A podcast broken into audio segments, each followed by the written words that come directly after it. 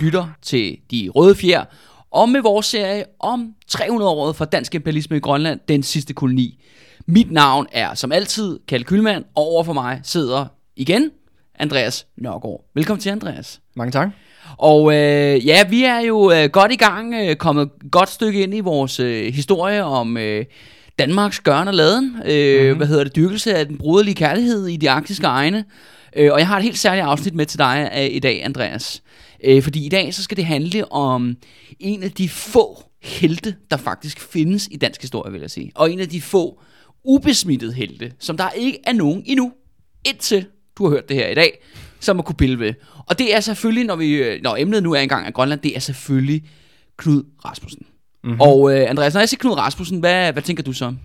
Jamen, øh, altså, Knud Rasmussen, så vidt, jeg, så vidt jeg ved, så er han ham der polarforskeren, Ja, som øh, er oppe i, øh, i Grønland på nogle Thule-ekspeditioner, tror jeg, de hedder. ja, han har en masse Thule-ekspeditioner. Ja, Hvor han vist også er over i øh, Sibirien og Alaska og et eller andet. Han, han er ligesom rundt, lidt rundt omkring, så vidt Ja. jeg husker. Øhm, men jeg ved faktisk ikke så meget om ham, udover bare, at han er sådan en af de der ja, polarforskere, hvad man skal kalde det, øh, som er lidt en af sådan, den sidste generation, så at sige. Inden, Ja, ja, inden, inden at det, det meste Ja. ligesom er opdaget, så at sige. Ja, og lad os da bare, men altså lad mig lige øh, ridse øh, det op, fordi hvorfor er grund til, at jeg kalder ham sådan en, altså han fremstår som sådan et helt, en ikon. Og på sin vis vil jeg også kalde Ku- øh, Knud Rasmussen for, han er den sidste held, han er den sidste store ikon for rigsfællesskabet. Mm-hmm. Fordi han symboliserer ligesom, historien går på, at han er halv grønlandsk, halv dansk, og du ved, hans person jo ligesom får de bedste ting sammen mm. i en stor øh, enhed. Og det er sådan her... Er sådan en pas- personificering af Jamen, og det interessante er, at nu har vi også talt, vi startede jo faktisk med, at øh, vores historie her handlede, startede jo med hans ede, og det der med, at der var bygget en statue til ham i mm-hmm. Nuuk. Men det er sådan set, at der er faktisk mange flere Knud Rasmussen-statuer. Er der, jeg vidste ikke engang, der var nogen statuer. Der er masser af Knud Rasmussen-statuer, altså både her i Danmark, men også i Grønland. Okay. Og det er også sådan her, at når du kigger på øh, veje, for eksempel, der er opkaldt efter, så er der mange flere Knud Rasmussens veje, også her i Danmark. Der er faktisk et gigantisk område i Grønland, der bare hedder Knud Rasmussens land. Nå. Altså, så han har, det, det er sådan noget arktisk øh, ødemark op nordpå, ikke? Ja, okay. Men altså, han har et kæmpe område, der er opkaldt efter ham selv. Øh, og der er også en masse, du ved, øh, der er for eksempel en højskole i Sisimiut, der er opkaldt efter ham og sådan nogle ting. Okay, så han er sådan en, der bliver Han er husket. virkelig altså et ikon, der bliver husket og dyrket. Okay. Øh, og det er jo det, igen det der med, jamen, fordi han ligesom, han symboliserer, om så må sige, hvad der er gjort øh, rigtigt i, øh, om så må sige, fra en dansk, et dansk synspunkt. Ikke? Og hvor vi nu har talt om det der med, at øh, det her jubilæum er jo allerede gået fuldstændig til rotterne op i Grønland, og du ved med hans side. Og i Danmark. Ja, ja, og hans side, og- som vi har nævnt, som jo var, som, Var fuldstændig vanvittig. ja, som, som vi så har kunne konkludere, var fuldstændig vanvittig, og ikke havde fortjent et jubilæum. Eller en statue. Eller en statue. Men så er der jo, og det sjove er jo så, at fordi at det er jo det her jubilæum, du ved, nu er det 2021, og vi taler om, at han sidder, han lander i 1721, mm-hmm. men der er også noget andet, der sker i 1921, og det er den femte Thule-ekspedition, mm-hmm. som er den største og mest berømte, det er den, hvor han tager til Sibirien og Alaska, det er Knud Rasmussen. Ja. Og det vil de fejre nu i stedet for. Nå, altså vil de fejre det i år? Ja, fordi Okay. det tilfældigvis, kan man sige, lander jo ind i jubilæet. Du ved, der er afsat penge Ja, ja. til et jubilæum, som øh, på grund af, at øh, ingen kan lide hans side, jamen vi kan stadigvæk lide Knud Rasmussen. Men du siger, det er, at det er i Grønland, man vil fejre det, eller det er i Danmark? Jamen, det, er bare, et- det, det er noget, jeg har hørt om, at det, man, man snakker om, at i forskningsmiljøet og Arktisk Institut og sådan nogle Nå, steder, ja, ja, taler ja. om, uh, hans side, det var en dårlig historie. Men ved du hvad, der er jo Knud Rasmussen. Det er gode alternativ. Det gode alternativ. Og det er fordi, de ikke har hørt dagens episode. Fordi jeg skal lige love dig for, Andreas, at jeg har glædet mig til det her. Altså det er sådan her, at øh, der findes forskellige, der findes meget, meget få ikoner eller personer i Danmarks historien, hvor der er, ligesom, der er sådan en helteglorie om dem. Øh, og sådan nogle folk, ikke? Det er sådan nogle, det er sådan nogle skalpe, jeg gerne vil have. Lad mig sige det sådan. Det er det, er det jeg står op for om morgenen, For at Andreas. pille dem af. For, for at pille dem af. For ligesom at ødelægge et ja, glansbillede af Danmarks historie. Rive glorien af dem. Og jeg vil sige, jeg har glædet mig meget til Knud Rasmussen. Fordi han er, han er en af de der great white buffaloes, ikke? Mm-hmm. på, øh, på prærien der, som skal nedlægges og, om, så sige, Og udstoppes. og komme i mit bælte, ikke? når jeg render rundt ude i byen. Øh, så det glæder jeg mig rigtig meget til at gå i gang med. Men, men inden vi kaster os ud i øh, mit karakterdrab på Knud Rasmussen, øh, så tænker jeg lige, at vi skal lige øh, jo runde en status, Andreas, fordi det er faktisk lang tid siden, vi har øh, ja, givet nogle nyheder om, hvordan det egentlig går med os her. Ja, podcast. Jeg, jeg er podcasten her på de, øh, på de røde fjer jo. Øhm, jeg tror ikke, at sidste gang vi gav en status, jeg tror, det var uh, i slutningen af Grevens Fejde, og det er jo føles som om, det var et andet liv. Ja, det er flere måneder siden. Ja, ja, flere måneder siden. Ja, ja. Øh, men, men status er, at øh, De Røde Fjer, vi har ramt øh, 13.000 lyttere. Velkommen til. Ja, give or, give or take øh, på landsplan. Og det er jo rigtig dejligt. Velkommen til alle de, de nye folk, øh, der lytter med.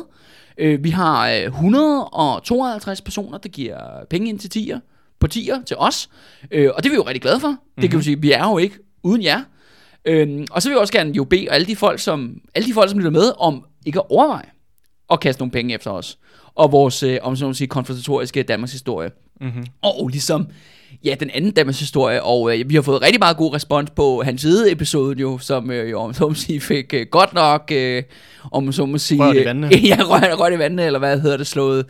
Øh, skudt ham til mål i hvert fald, og nu er turen så kommet til Knud Rasmussen. Mm. Øh, og så er det også fordi, at øh, jamen, altså, de røde fjer går jo øh, stille og roligt øh, fremad, og det er også sådan, når man kigger på... Øh, Øh, Der er noget, der hedder, øh, du ved, sådan nogle lister, hvor man kan følge, hvordan ens podcast klarer sig, ikke? Og jeg er selvfølgelig, ligesom alle andre, går ind og tjekker sådan noget en gang Så du sidder bare og refresher Ja, ja, ja, ja, du ved, jeg, jeg, jeg har jo et ego på størrelse med Grønland, Når, ikke? når du det, ikke øh, øh, googler dit navn, så sidder du og Ja, så refresher dit. ja, ja. Når jeg ikke sidder og googler med eget navn, sidder jeg og googler, det er, de røde fjer. Og så kan jeg se på de her podcast-lister, at de røde fjer er jo lige så, snart, øh, lige så småt i gang med at kravle op i top 10 Ja. i blandt danske historiepodcast. Det er ikke fordi, vi ligger ja, absolut top, men vi har været oppe at ramme øh, nummer 8, når nogle af vores episoder har klaret sig rigtig, rigtig godt. Mm-hmm. Man, så, man falder så lidt igen, når man ikke udgiver sådan noget, og det er jo meget naturligt.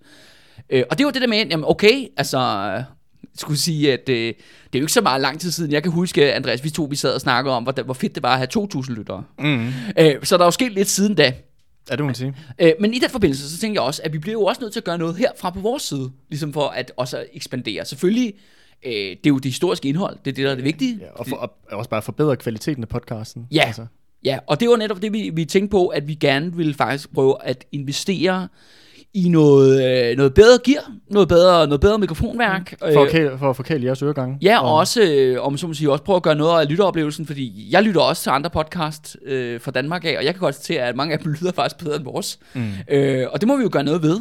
Ja. Øh, og, øh, og det koster nogle penge jo. Og det er også derfor, jeg vil gerne opfordre folk til ligesom at øh, gå ind og sign op. Fordi jeg vil, jeg vil sgu egentlig hellere have, at folk... Øh, det kan godt være, at de, folk måske øh, tegner sig ind for et lille beløb. 10-15 kroner, det er jo der gennemsnittet øh, ligger. Og det er helt fint, men det vil jeg sgu hellere have, end, end folk giver mig en, øh, en donation på et enkelt beløb på 200 kroner, eller hvad fanden det kan være. Altså netop så vi kan have noget råd til at lave øh, noget øh, investeringer mm. i, øh, i noget nyt Og noget gear. langsigtet. Ja, noget nye forhold, og også optimere om, så må sige, øh, prøve at dæmpe ekkoet, og hvad det nu ellers kan Mm. være øh, på øh, her, hvor vi sidder og optager. Og man kan også sige, altså, vi, har, vi er ikke ved at løbe tør for her. historie Nej, overhovedet. det, det er altså, slet ikke det, og der vi er vil, problemet. Og, og, og, hvad vi, man siger vil, vi vil gerne blive ved i lang tid endnu, øh, indtil at nogen, nogen trækker stikket på ja, os. ja, lige, præcis. og derfor vil vi også gerne forbedre... Hvad Til, til hans side spøgelse kommer og, og pisker os øh, i smadret, ikke? Ja, og vi, så derfor vil vi jo også gerne, hvad kan man sige, forbedre podcasten i al den tid, vi kører, og derfor også få noget bedre udstyr. Så det her, det er jo også en, ja, det er, øh, det er noget, som der kommer til at komme alle til gavn. Så øh, både, både jer derude og, og os. Øh, Ja. Så det kunne være mega Ja, fedt at få Så, noget så jer, der lytter med, og også jer, der har lyttet længe med, overvej lige, om I skulle gå ind og give en skav til mig og Andreas, så vi kan øh, ja, arbejde videre på vores, øh, vores projekt her. Man kan forlade Albertslund, men Albertslund forlader aldrig dig. Og øh, med de ord, Andreas, lad os gå til øh, ja, et af de største karakterdrab, jeg har begået her på podcasten. Øh, om Knud Rasmussen. Men jeg skal lige først have en ting af vejen, inden vi går rigtig i gang. Og det er jo det der med, at øh, Knud Rasmussen, der er, altså, det her heltedyrke, glorie, der sådan set er, er om ham, det er jo noget, der er fabrikeret. Men jeg vil dog lige sige en ting. Det, kan, det er svært ikke at blive imponeret. Øh, især i forhold til hans fysiske udholdenhed. Altså manden kan klare og drage ind over Englandsisen og overleve i meget, meget øh, vanskelige og virkelig, virkelig hardcore naturforhold. Og der må man sgu bare tage hatten af. Mm. Det vil jeg sige. Der er sgu ikke så meget der. Det, jeg vil ikke kunne gøre ham, om så sige, det træk efter. Og det kan du slet ikke, Andreas. Dit øh, helbred, det er, øh, ja, det er mirakler, du overhovedet er ankommet i dag. Altså, at du ikke er faldet om. Og du ikke er død af corona, for den sags skyld. øh, øh, og det må man også bare sige, her straight off, øh, at øh, selvom der er mange ting, der er virkelig problematiske med, med Knud Rasmussen, så er det det der med, okay, manden var, om som at sige, en badass, når det kom netop til det der med at gennemføre de der ekspeditioner, og være væk i mange år, og klare det her simpelthen, det her fysiske pres og overleve ude i vildmarken, som man gjorde jo i, i, i, i lang tid. Bare lidt for, at vi, vi er enige om, hvad det er helt præcis, du, øh, du refererer til. Ja. Hvad, hvad er det, han har berettet, eller hvad, det, hvad er det, han har ligesom, øh, hvad er hans claim to fame? Jamen, som du, som han, du snakker om. Hans, hans claim, øh, jamen jeg tænker, vi, det kommer jo ligesom, når historien ligesom udfolder sig. Men basalt set, det han er kendt for, er, at han har øh, indlemmet Thule i den grønlandske koloni. Og det andet er, at han har øh, lavet de her øh, mange ekspeditioner. Jeg tror nok, der er syv Thule-ekspeditioner, alt i alt. Øh, hvor han drager ud og, så at sige, møder øh, ja, inuitter. Altså først i Grønland, og senere faktisk hele Nordamerika. Hele vejen over til Sibirien over i Rusland. Mm-hmm. Øh, og der indsamler han en masse genstande. Og det er jo også sådan her, Andreas, at han har skabt jo en udstilling på Nationalmuseet, som jeg har hævet dig med ind at se. Mm-hmm.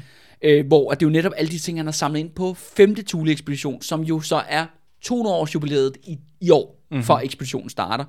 Og den udstilling, der er på, inde på Nationalmuseet, som der, er, jeg tror, der står sket, ikke sket en skid siden den 20'erne ind på den udstilling. Øh, det, er den, det er alle de ting, han har samlet ind. Altså for inuitter, ikke? Altså, og det er jo, jo så kajak og spyd og hvad det nu ellers er, ikke? Tøj. Ja, ja, og han har jo en, en, en byste øh, inde i den der udstilling. Det er hvor det han, første, man ser. Ja, ja, hvor det virkelig er sådan, der får du virkelig sådan en white man følelse der, ikke? Se mine ting, jeg også Ja, ja, og, men det forstår jeg, mener, men i, i dag er øh, Knud Rasmussen bliver jo netop opholdt der, som det her ikon jo, fordi han jo, om så siger, jamen han er en hvid mand, der tager ud og indlemmer grønlændere, eller indlemmer inuitter i den grønlandske ko- koloni. Det er ham, der har taget kontakt til de sidste ukontaktede folk i den øh, nord for Arktisk, altså i, i Canada for eksempel, der er han er den første hvide mand, der møder mange af de der folk. Men han gør det, han er en, om man så må sige, en humanistisk imperialist. Han er en opdagelsesrejsende, han er en forsker. Og det er han jo også til dels rigtigt. Men som vi- historien vil øh, fremvise, Andreas, så er der også øh, ret mange andre ting, der er problematiske. Og man kan også spørge sig om, hvem, i hvems interesse er det, at Knud Rasmussen øh, handler. Mm-hmm. Yes. Ja, jamen lad os dykke ned i Ja, det. lad os dykke ned i det. Så øh, for det første, der går en historie på, en hårdnakket historie på, at Knud Rasmussen skulle være halv grønlandsk. Øh, det er noget, der bliver gentaget igen og igen og igen. Det passer simpelthen ikke. Han er ikke halv grønlandsk. Hvem, Hans, hvem er det, der påstår det? Jamen, det, det er noget, der står i et utal af biografier, avisartikler, og det bliver gentaget i en øh, uendelighed. Og det er sådan her, at Knud Rasmussen taler grønlandsk. Okay. Hvil- Hvilket er mere end så mange andre hvide i den her, øh, op i, ja, i Grønland og i Arktis osv. osv. Men han er kun en sejstedel grønlænder. Okay, så det er Hans rimelig... det er oldemor var halv grønlandsk. Ja, okay, så det er rimelig langt ude. Ja, og det er sådan her, at han er, i, altså han er nærmest så fjern for, for en grønlænder som overhovedet at være. Han kommer netop, han er født ud i den danske elite i Grønland, mm-hmm. som vi allerede har talt en del om nu. Den elite, som hans ede skaber, som Johannes Rink, hvis du kan huske ham fra sidste Ja, ja, episode, er talsmand for. Øh, Knud Rasmussen er simpelthen født ind i det her. Han er født i, øh, i Jakobshavn i 1879, det der hedder Ilusat mm-hmm. i dag, og hans far var præst. Ja, okay. Så Det... I, den her, I den her koloni, ikke? Ja. Og det er også derfor, han kan grønlandsk, det er derfor, han kan øh, med hundeslæder, det er derfor, han ved masser om, om så at sige... Naturen og forholdene Ja, ja, og ja. naturen og forhold og overleve i Grønland. Øh, fordi han jo simpelthen om, som, har fået det ind med modersmælken. Mm. Øh, med det her med, ja, med at, at overleve i Grønland. Men det her med at sælge den historie om, at han er halv grønlænder, det er allerede der, kan man sige, hvordan der ligesom bliver bygget det her, hvad hedder det, glansbillede op omkring Knud Rasmussen, og hvordan han ligesom profilerer sig selv i, i, i medierne. Og det her med, at han kommer fra en klassisk hvid elite i, øh, i Grønland, altså en dansktalende hvid elite, det bliver ret afgørende for, hvad der kommer til videre til at ske i vores historie. Mm-hmm. Fordi som vi allerede nu har etableret, det er nærmest de værste hvide, du ved, grønlænderne oplever. Det er jo ikke faktisk dem i København. Det er dem, der, Det er faktisk dem, der, sidder i bor, ja, ja, det, det er deres naboer. Ja. Det er dem, der er de værste. Og Knud Rasmussen kommer altså ud af en familie, og han kommer endda ud af eliten, fordi mm. hans far er præst. Mm. Og, og har faktisk og, og kommer ud af en generation af grønlandspræster. Ja. Ja. Det er sådan her, at, at det er åbenbart, at øh, bedstefaren, eller hvad det var, eller farfaren, han, øh, han talte norsk hele sit liv. Nå, Så det vil sige, at han er tilhører de oprindelige kolonisator på hans edestid. okay. Du ved, han er altså... det er han, hele vejen tilbage. Han har, altså... Knud Ras, ja, okay, okay, ja, det er ikke fordi, jeg ved det præcis, men en af Knud Rasmussens forfædre har været med i det der compound. Mhm. Mm-hmm. Du ved, har fået, du ved, har fået pisk, ikke? Af hans side selv, eller noget, den, du har i hvert fald altså været med i den tidlige fase, mm. i, øh, i, i hvert fald i slutningen af 1700-tallet. Ja. Øh, så du ved, så det er, om så må sige, det er en øh, moderne øh, aftager for hans side. Eller i hvert fald, når vi kommer op i starten af 1900-tallet. Og der er også øh, nogle andre ting, som er ret sjove, som vi kommer ind i. For det er ret mange paralleller faktisk, med, mellem Knud Rasmussen og øh, hans side. Men det kommer vi mere ind til. Ja, han, han, er også, øh, han er også besat af at finde de vise sten, eller? Ja, det kan man godt sige. Altså, hvis de vise sten er, er guld i lommerne på Knud Rasmussen, ja, så 100%, okay. så, er- så prøver han også at finde de, de vise sten. Når nogen siger, at vi alle er i samme båd, betyder det altid, at det er dig, der skal ro. jeg ved ikke, om du kan huske det sidste gang, Andreas. Der snakkede vi lidt om, at, øh, at du ved, vi har jo det her reservat. Grønland, tiden er gået i stå. De, Grønland lever i de her elendige fattigdomsforhold, og der sker ikke skide meget. Bortset fra, at de hvide mænd oppe i Grønland, de beslutter sig for at udvide kolonien. Og de udvidede jo kolonien først med Østgrønland der i 1880'erne. Kan du huske, at vi, øh, mm-hmm. at vi talte om det? Ja. Yes. Og det er jo sådan her, at det gør de så, og det kommer de så også på baggrund af, at der kommer en større og større interesse for andre hvide mænd i Grønland. Og det er især i form af øh, britiske og norske og amerikanske opdagelsesrejsende. Mm. Fordi når vi går ind i slutningen af 1800-tallet og starten af 1900-tallet, det er jo det, der bliver kaldt for imperialismens tidsalder. Mm. Det er altså her, hvor at de hvide mænd de drager ud over hele jordkloden, og så må sige, øh, kortlægger de sidste blanke øh, spotter på verdenskortet. Og der er jo arktisk område en af, en af det. Og der sker der noget ret afgørende, at der er en, en amerikansk polarforsker øh, og opdagelsesrejsende og imperialist, der hedder øh, Robert Perry. Mm. Han tager i 1886 op til det absolut nordligste ja. Grønland. Parisland. Parisland, lige præcis, som han, han noget, der stadigvæk er opkaldt efter ham. Øh, og, øh, og det her, mens de her folk begynder at dukke op i Ja, han gør, og han gør jo krav på, på, det, på det her område på vegne af USA. Ja, lige præcis. Ja. Og påstår, at det er en selvstændig ø. ja, han påstår, at der er en ø deroppe, som amerikanerne, som siger, nord for Grønland, som mm. de, kan, de kan beslaglægge. Og alt det her, det begynder selvfølgelig at få, øh, hvad hedder det, den danske elite i Grønland til at, ligesom at begynde at blive en smule angst. Fordi for første gang siden kolonien blev oprettet, er der faktisk nogle andre, der begynder at udfordre deres magt. Mm. Altså grønlænderne er holdt fuldstændig nede.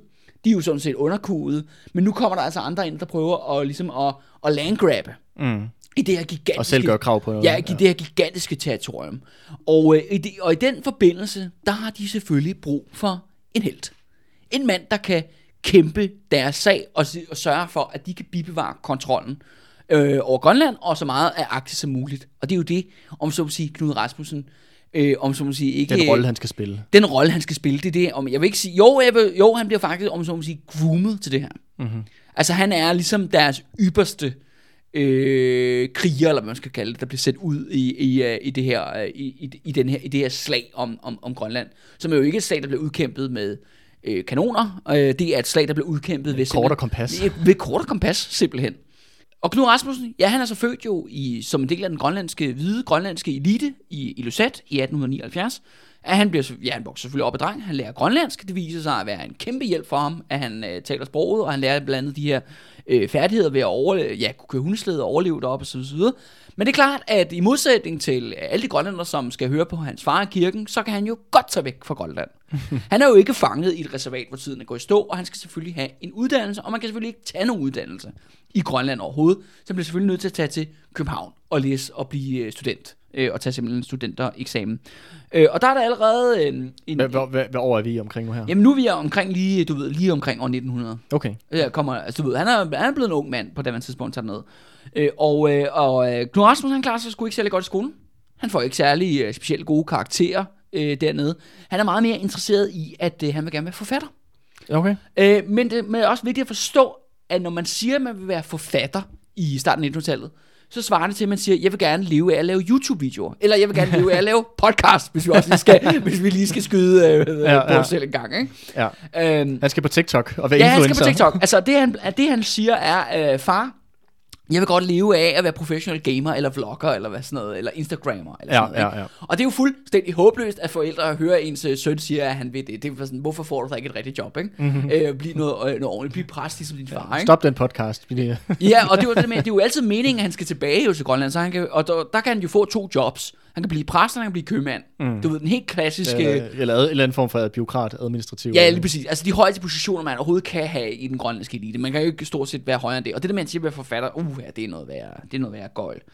Øhm, øh, og det er men, men Knud Rasmussen har også nogle, om så at sige, øh, forser for sig. Han er enormt, øh, han ser godt ud for det første, øh, og han er enormt øh, charmerende.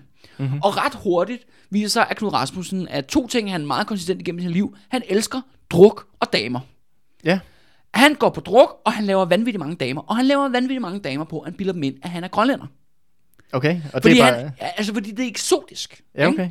Ja, så han siger, at han er halv grønlænder. Ja, han er grønlænder. Det er pissepapir. Det er han overhovedet ikke. Altså, han er jo som sagt en 16. del grønlænder, ikke? Ja, altså, ja. Og det, altså, han, Knud Rasmussen er lige så meget grønlænder, som jeg er tysker, ikke? Jeg, nu hedder jeg jo Kalle Kylmand, ikke? Det vil Mhm. sige, der er en tysker et eller andet sted fjern det med stamtræ. Det er Ja, det ja, samme ja. niveau, han er grønlandsk, øh, om så må sige, grønlænder på.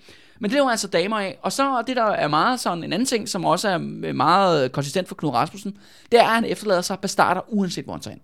Okay. Altså Knud Rasmussen har spor af... simpelthen et hav af uægte børn. ja. Øh, og, øh, og senere han får også rigtig mange af dem i Grønland. Øh, men i Grønland, der bliver, kan han jo bare dumpe dem, som man har lyst. Mm. Og efterlade dem. I Danmark, det desværre bliver man nødt til at øh, finde sig en ordning med forældrene og øh, udbetale nogle, øh, nogle penge til dem og sådan noget. Så nogle børnepenge af en eller anden... Ja, ja, og, og, og den tidlige historie om Knud Rasmussen er bare, om så at sige, hans far, der bliver nødt til at tage øh, tilbage, øh, om så at sige, for Grønland, og bare ordne alle mulige, med alle mulige advokater og betale penge til alle mulige ungmøer, som Knud Rasmussen har sprunget på. Okay. så øh, meget heroisk. Meget heroisk, Ja. ja, ja. øh, rigtig held, ikke? Ja, ja. Men en anden ting, der også er interessant, er med Knud Rasmussen, at han er jo som sagt enormt charmerende. Øh, men jeg vil også kalde ham øh, måske socialt udspekuleret. Han er sådan en, øh, en type, som øh, øh, bruger folk til ligesom at, at opnå det, han gerne vil have. Du ved, han er sådan en fyr, der er sådan, ligesom ekstremt venlig og, og socialt anlagt i starten, og det, man føler sig om, at ligesom, han knytter venskaber med, med folk, og så får han ligesom det, gerne han vil have, og så efterlader han dem, så dommer mm. han dem. Det lyder meget sådan udspekuleret. Det er meget udspekuleret, og det interessante er, at igennem i he, hele Knud Rasmussens liv, altså han, har, han får rigtig mange venner i løbet af sit liv, men de ender alle sammen med at slå hånden af ham. Mm. Det, det er sjovt, at du siger det, fordi at siden vi begyndte at optage den her podcast, har Så har jeg, du også uh, færre og færre venner. jeg har lyst til at slå hånden af dig, kan Nå, jeg. nå, okay. Nej, jeg har, jeg, jeg har faktisk øh, lige præcis noteret mig ned på mit papir en af de andre polarforskere, som jeg tilfældigvis kender, Ja, som lige præcis slår hånden af ham, på trods af, at de ellers er livslange venner. Men jeg ved ikke, om du kommer ind. Det er ham, der hedder Peter Frønken. jamen de to er, det er jo ikke fordi, jeg øh, vil snakke så meget om Peter Freuchen, men han er jo en af de her folk. Ja. Og Som, de- som lige præcis slår hånden af Rød, Rød, det, Knud Rasmussen, og de aldrig snakker sammen igen. Ja, Og hvor at ham her, Peter Frønken, i hvert fald, er mit indtryk, er en mere sympatisk person, end Knud Rasmussen er, og hvor jeg tror, at han lige præcis har kunne se gennem den der kulisse på en eller anden måde, og blevet vemmet med, hvad han så. ja. Og det er også det, der mit indtryk er, at jo længere tid folk kender Knud Rasmussen, mm. Øh, jo værre synes de om ham. Ja. Og, det de er har- interessant, og, fordi og han, de her to har nemlig også været på fordi Knud sammen. Rasmussen, han gør et altså han gør det bedste for, øh, førstehåndsindtryk. Mm. Han er sådan en, han tager folk med storm første gang de møder ham. Og jo længere tid, de, altså mere tid de bringer, tilbringer sammen med ham, jo mere vemmes de ved ham. Mm. Og det kommer vi jo så til det der med, at øh, hvorfor er det Knud Rasmussen bliver Knud Rasmussen, og hvorfor gør han det, han gør? Hvad er hans hovedmotivation for ligesom at, øh, at ja, drage ud på alle de ekspeditioner og sådan nogle ting? Og er det virkelig, om så må sige, er han grønlændernes beskytter? Mm. i, i hele den her sag. Det kan, man jo så, det kan vi jo så blive klogere på, som historien går skrider frem af Andreas. Men det er bare vigtigt at, ligesom at, at, at lægge mærke til det med, at han er enormt, du ved, allerede fra en tidlig alder, ung alder, ung mand, virkelig vanvittigt god til at charmere. Du ved, han scorer, han nedlægger damer på, øh, på, på stribe, øh, han bruger tydeligvis ikke kondomer, øh, og, og han er vanvittigt god til at få rigtig mange venner og komme rigtig, rigtig bredt ud. Men på et eller andet tidspunkt, så vil folk bryde med ham. Mm. Fordi de var sådan, jeg kan ikke holde ud at være sammen med ham. Og det er det med, jeg mener, at når Knud Rasmussen indgår i øh, venskaber eller sociale relationer, Så er det udnyttelse. så bruger han dem. Han Ja, har ja. et øh, klart noget, han gerne vil opnå med den relation. Mm. Og det er jo det der med, at hvis du jeg bruger folk på den der måde, det opdager folk på Ja, et ja. eller andet tidspunkt Ja, ja. Øh, ned, ned ad vejen. Øh, Så det er jo ikke noget at sige til, at han er sådan lidt, øh, at sådan lidt vendeløs måske. Ja, og det er andet element, som er interessant, fordi vi siger, at Knud Rasmussen er altid god ved grønlænder, og kan godt lide at være sammen med grønlænder. Det er også noget, han drager ud på mange af de ekspeditioner, hvor han tit er alene med grønlændere, par, bare sådan et par stykker i flere år. Øh, men det er jo det er værd, værd at bemærke, fordi det er jo ikke en ligeværdig relation. Mm. Han er søn af præsten Ja. I, altså, du ved, en hersker i sådan der, den der by. Og når han er sammen med grønlænder, om så selv når de er ude i ødemarken, der er jo et klart hierarki. Mm. Han er den hvide mand, det er ham, der er ekspeditionsleder. Hans ord, det er, hvad der sker. Det, det, er, der- det er simpelthen, hvad der sker. Og han, det kan godt være, at han siger, at jeg er rigtig gode venner og har rigtig godt til forhold til det Grønland. Men det er jo aldrig et ligeværdigt forhold. Mm. Altså, det er jo et forhold, som en, en hvad skal vi kalde det, en adelsmand har til sin tjener, ikke? Mm. Det kan godt være, at de har en meget god relation, men Men der er, det også et magtforhold. Ja, der er, også, der er også et tydeligt magtforhold. ja, ja. Og det er det, der også er interessant ved Knud Rasmussen, at de siger også, at jo ældre han bliver, jo mere foretrækker han jo også mere grønlænders selskab. Mm. Nå, men tror der fanden, fordi så er det altid ham, der bestemmer. Ja, Ja, der er aldrig nogen, der kommer til at sige ham imod. Mm. Øh, øh, eller hvis de gør det i hvert fald, så vil, vil han altid gå ud som sejrigt, fordi det er jo, ja, det er ham, der er den hvide mand, det er ham, der er ekspeditionsleder osv. osv. Mm. Og det er også værd at bemærke, at det, det er det, han ender med at øh, simpelthen at foretrække. Ja. Altså ikke folk, han er, om som sige, ja, ligeværdige med, men folk, der ligesom er, skal underkaste sig, hvad han mener i sidste ende. Mm.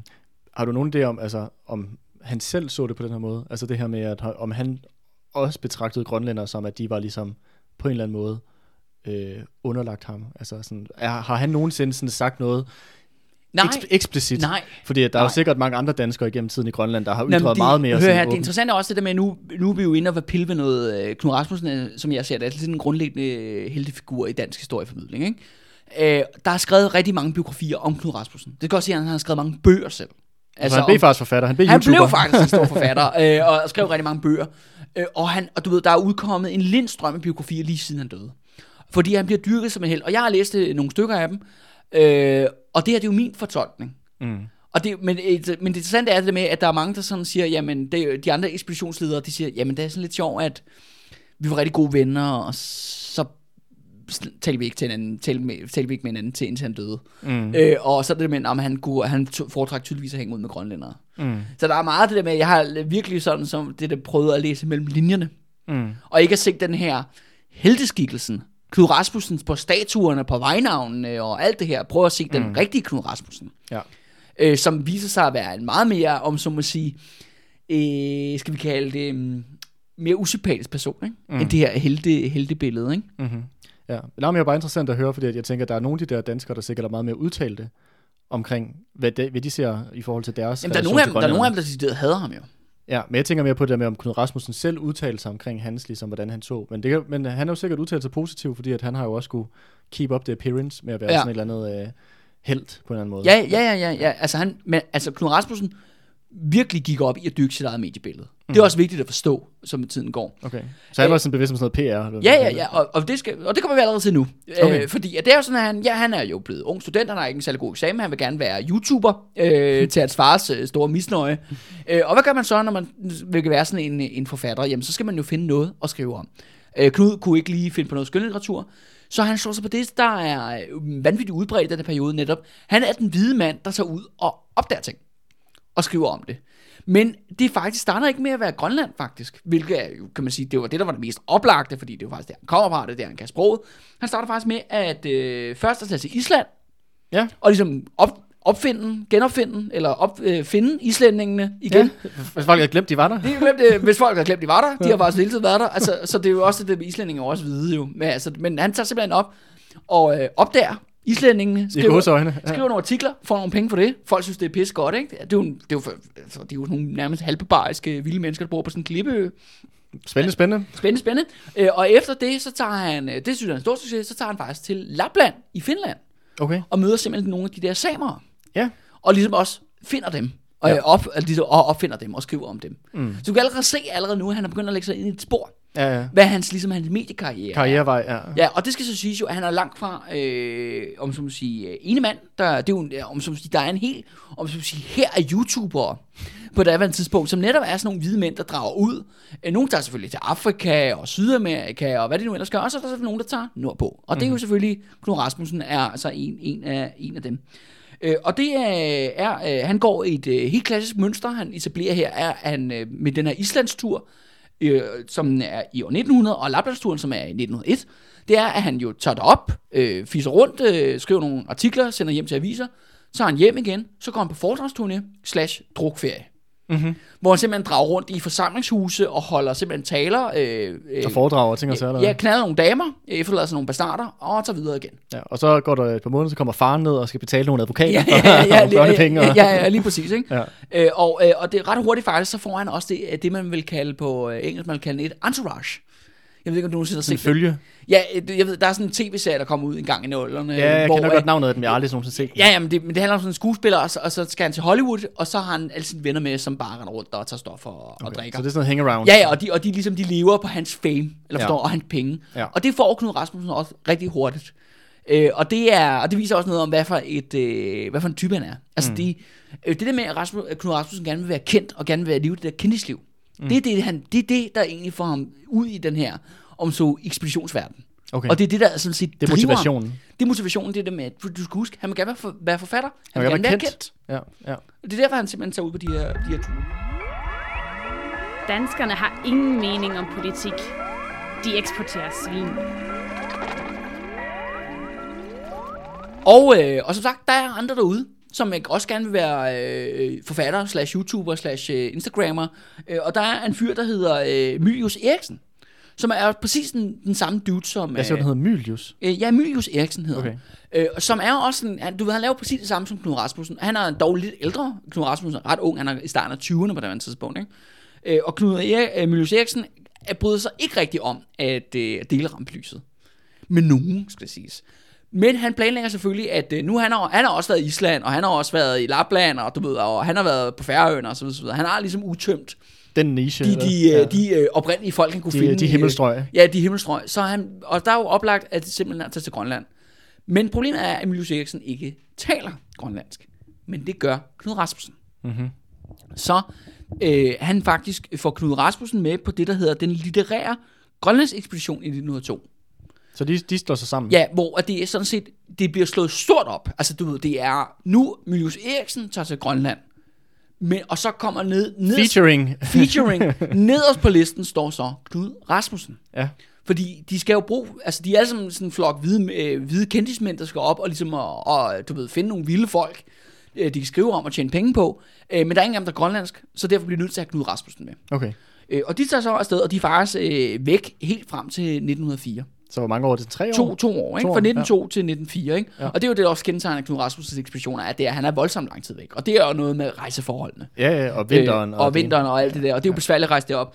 Øhm, øh, og d- på den her tid, de starter jo med alle sammen med at være, øh, alle, alle, de starter turen med, at alle elsker Knud Rasmussen, og de tager hjem igen, så hader alle Knud Rasmussen. Ja. og især øh, Mulius Eriksen hader Knud Rasmussen intens meget. ja.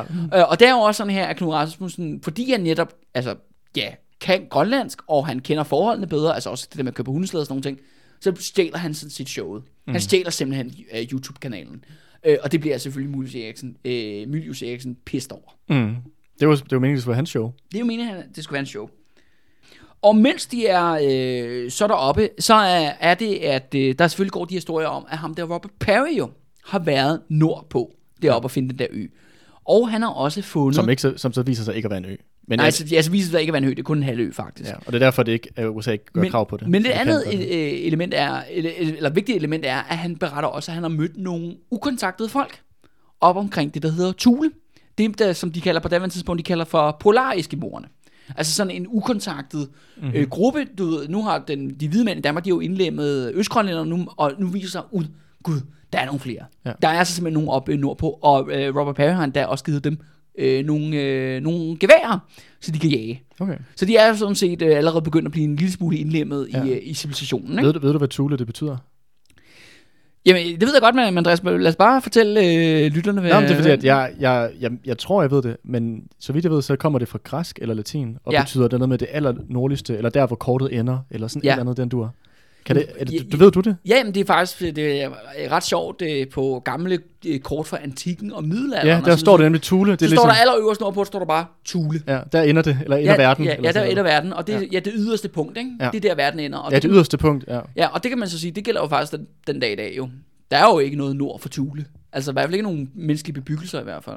Er der ikke det? Er der ikke en enkelt, der ligger nord, øh, længere nord? Jo, ja, over i Canada ligger der vist en, der er Nej, jeg tror også, jeg tror ikke, Thule ligger helt oppe i toppen. Anyway, det er heller ikke Nå, fordi, at vi ja. skal sidde og, øh, og så rundt i det, men det, det, er, det er mega langt nordpå. Og i hvert fald kan man sige, i den her kontekst, hvor at den danske koloni i Grønland mest var på øh, i, sy- i Sydgrønland, og altså det vil sige vestkysten, op øh, Diskobugten og Ilulissat er derop. Øh, jeg ved måske Upernavik, eller Upernavik måske også Mm. med der, men, øh, eller Upernavik, tror jeg, det hedder udtales. Men anyway, men i hvert fald det her Thule-område, ligesom et nyt område, der ligger nord for de her traditionelle danske koloniområder, som der bliver Ja. indlemmet, Ja. ja. men som også ligger på vestkysten. Og det er ligesom noget af det allernordligste, man kommer op øh, på det tidspunkt.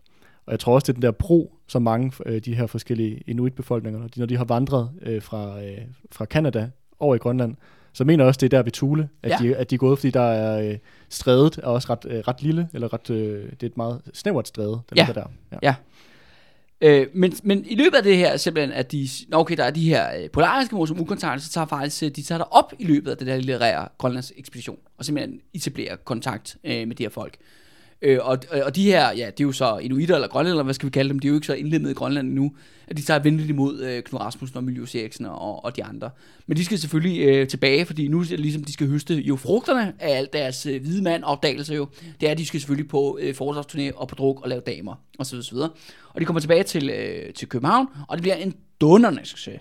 Og det er jo der, var faktisk, hvor at, øh, at det er jo Miljøs Eriksen, det er jo meningen, at det skal være hans show jo, men det er Knud Rasmussen, der stjæler det. Mm-hmm. Og det er der, Knud Rasmussens navn begynder faktisk rigtig at blive slået fast. At okay, nu er der simpelthen et nyt up-and-coming håb. Det er altså en, man skal følge i aviserne. Ikke? Altså, og han bliver jo dyrket allerede fra, sta- den, øh, fra dag af som en kendis. Altså, det er, han er sådan en, man læser om i aviserne i ugebladene. Okay. Altså, forstår du, mener? Det, så du skal ikke...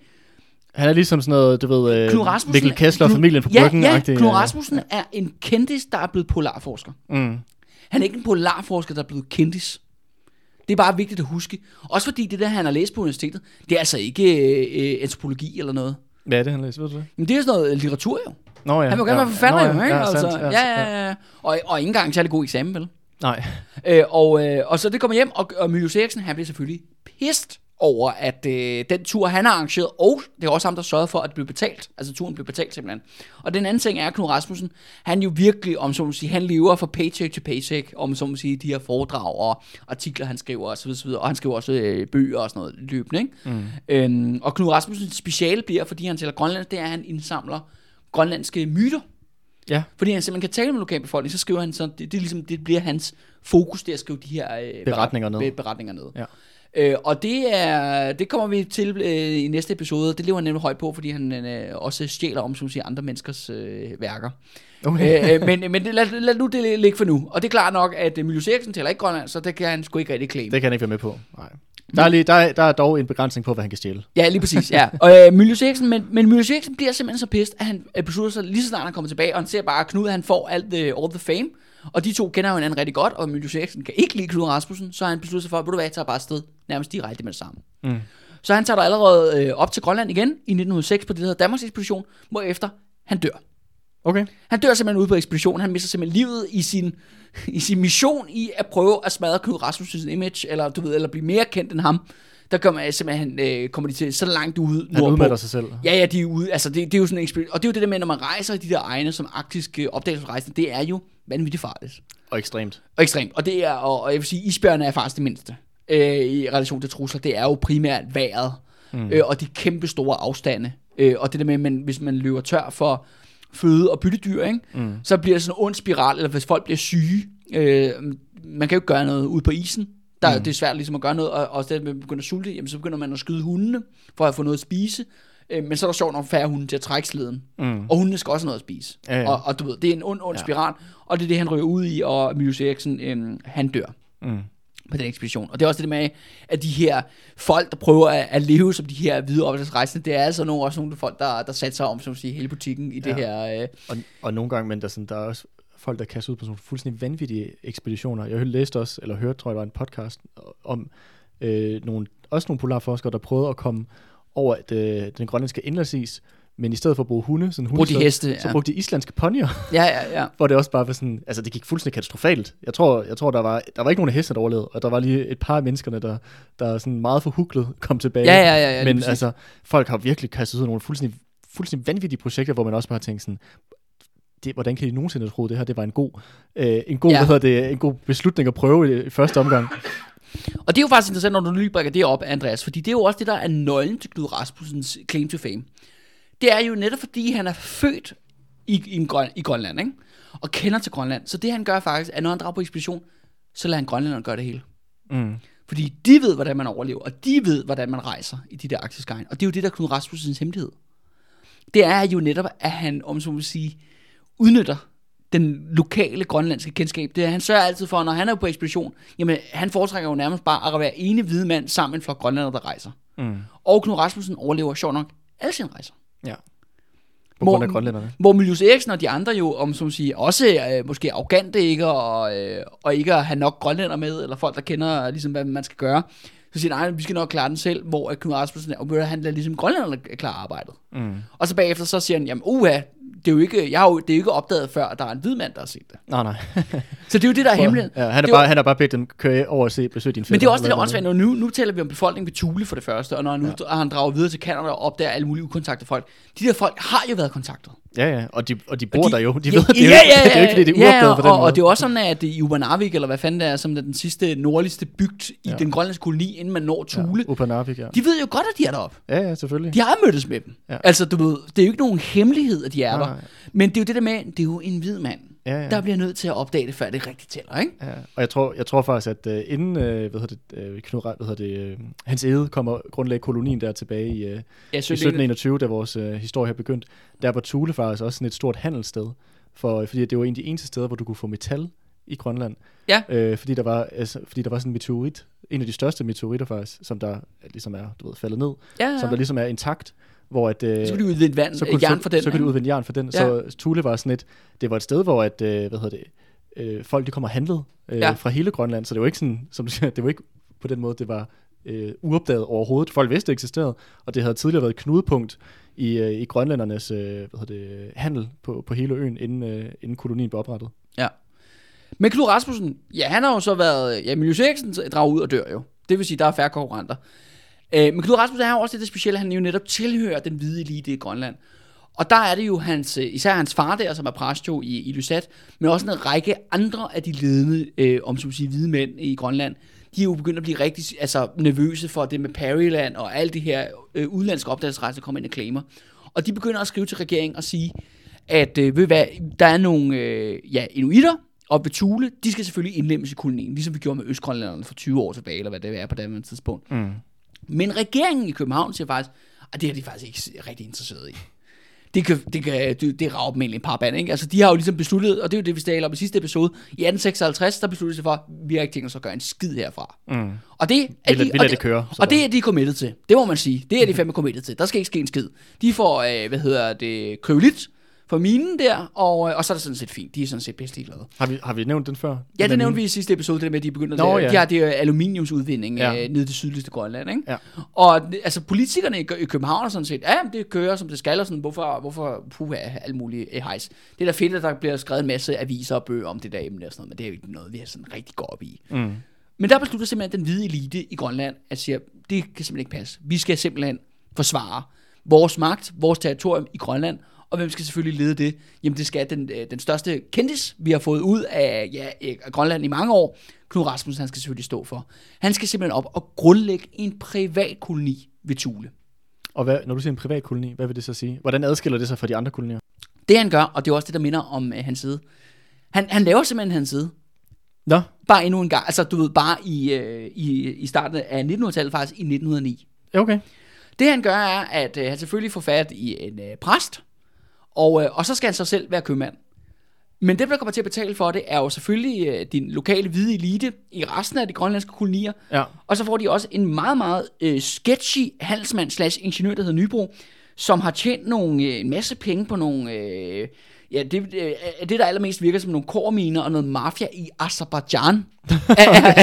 ja, alle steder. Det lyder super sketchy. Ja, det lyder super sketchy, og det er det også. Og det skal siges, at Azerbaijan er en del af det russiske imperium ja, ja. øh, ja. på daværende tidspunkt, og den ligger jo nede ved, øh, ved så, Det Kaspiske øh, Hav. Ka- Kaspiske Hav, ikke? Ja. Og som er også en øh, fantastisk øh, dejlig diktatur oliestat øh, den dag i dag, ikke? Ja, ja. Øh, og det har med Nybro, han har lavet nogle masse penge nede på det der, og, øh, og der bliver Og etableret... det zar russiske imperium. ja, ja, ja. Så russisk tilbage.